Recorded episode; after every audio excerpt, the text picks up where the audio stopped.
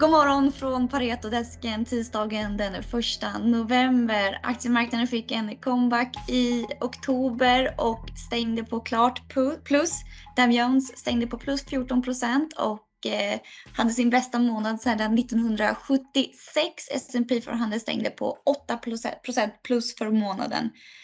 Vår modellportfölj levererade också bra avkastning under oktober, stängde på plus 6,8 procent medan vårt jämförelseindex stängde på plus 6,5 procent för månaden.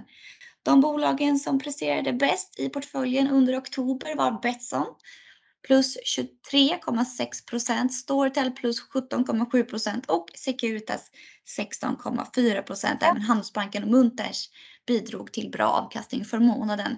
Sämre gick det för Bioinvent och Telia som visade på sämst avkastning under oktober. Sammanlagt så slog 6 av 10 aktier i vår modellportfölj jämförelseindex.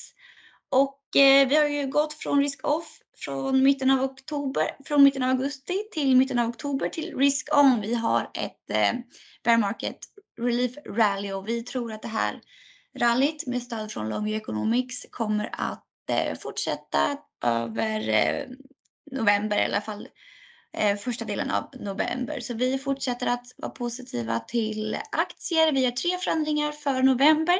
Vi tar in Awardit, Caliditas och Essity medan vi tar bort ABB, Bioinvent och Lundin Mining.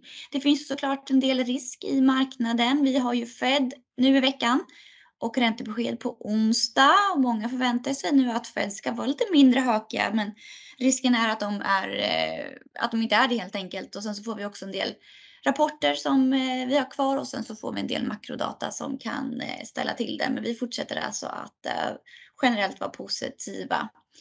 Och ja, vi har ju ett positivt momentum just nu trots flera besvikelser från vissa rapporterande bolag. Förra veckan så har price action varit uthållig nu ska vi prata om Essity som är ett av bolagen vi tar in i portföljen. Alexander Wilval, varför gillar vi Essity? Hallå, hallå. Jo, precis. Eh, vi tar in Essity. De rapporterade slut på förra veckan och det var ett av de bolag som har kommit in nästan precis in line skulle jag säga vad gäller just Q3. Eh, men, men, det som är spännande vad gäller Essity det är att det här är ett bolag som har varit, eh, fått rätt mycket eh, motvind från ökade råmaterialkostnader och ökade energipriser och de har legat inne. De har haft en marginalpress egentligen sedan eh, början av 2020. Sen fick de en rejäl smäll eh, precis i samband med utbrottet av covid-19 där. Men det har varit en, en successiv marginalpress där de har fått ta till sig högre massapriser i kostnaderna, högre energipriser och sen har de en lag på ungefär två kvartal i snitt, vilket det tar för dem att höja sina priser mot slutkund då, eh, för att kompensera för det här. Och som vi ser det nu så, så är man inne i det här läget att sannolikt var Q3 bottenkvartalet vad gäller marginaler. Eh, så att säga slutet på den här negativa trenden som vi haft under ett par år. Eh, och vi ser lite mindre motvind från eh, energikostnader och eh, eh, råvarukostnader och samtidigt så fortsätter deras utpriser att fortsätta stiga. Så att det, det mm, förhoppningsvis vänder den här negativa trenden och liksom blir en positiv av Eh, min lägre ökningstakt liksom i kostnadspressen och samtidigt fortsätter deras priser stiga. Så att det är eh, eh, det är väl varför det rent tidsmässigt ser intressant ut med SCT just nu.